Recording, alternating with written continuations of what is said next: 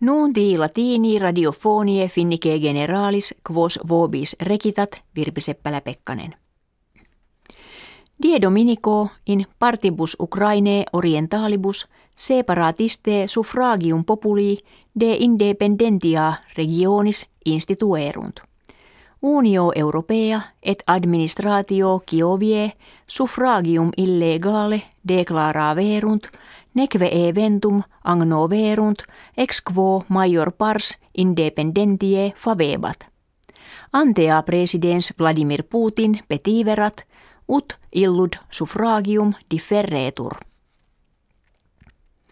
Ordo de securitate et cooperatione europea consilium paravit, quo status rerum in Ukraina stabiliretur, cum violentia deponeretur, dialogus nationalis susciperetur, regimen Ukraine in comitiis presidentialibus sustineretur.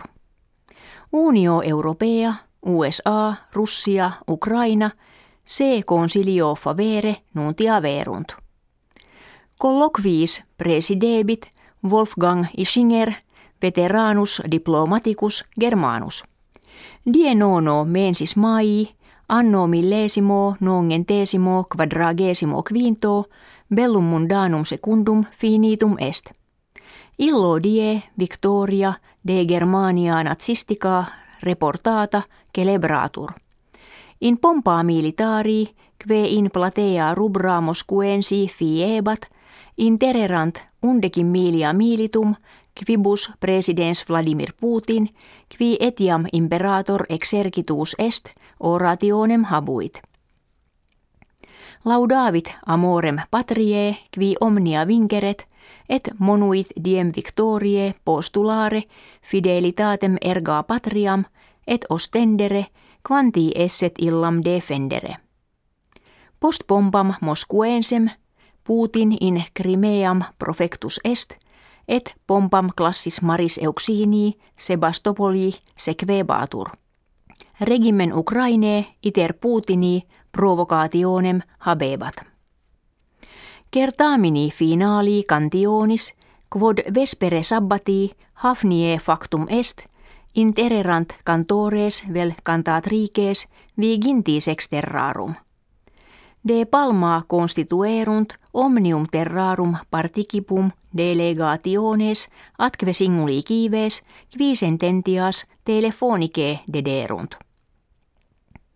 Victoriam reportavit Austria, quam representavit Conchita Wurst alias Tom Neuwirth vir viginti quinquannorum modo femine eleganter vestitus et nigra barba ornatus ille cantavit rise like phoenix surge modo phoenicis quod auditoribus tanto pere placuit ut Austria ducenta nona ginta puncta pararet. Secundum locum obtinuit Hollandia, tertium Svetia. Finnia septuaginta duobus punctis acceptis, fuit incertamine undecima.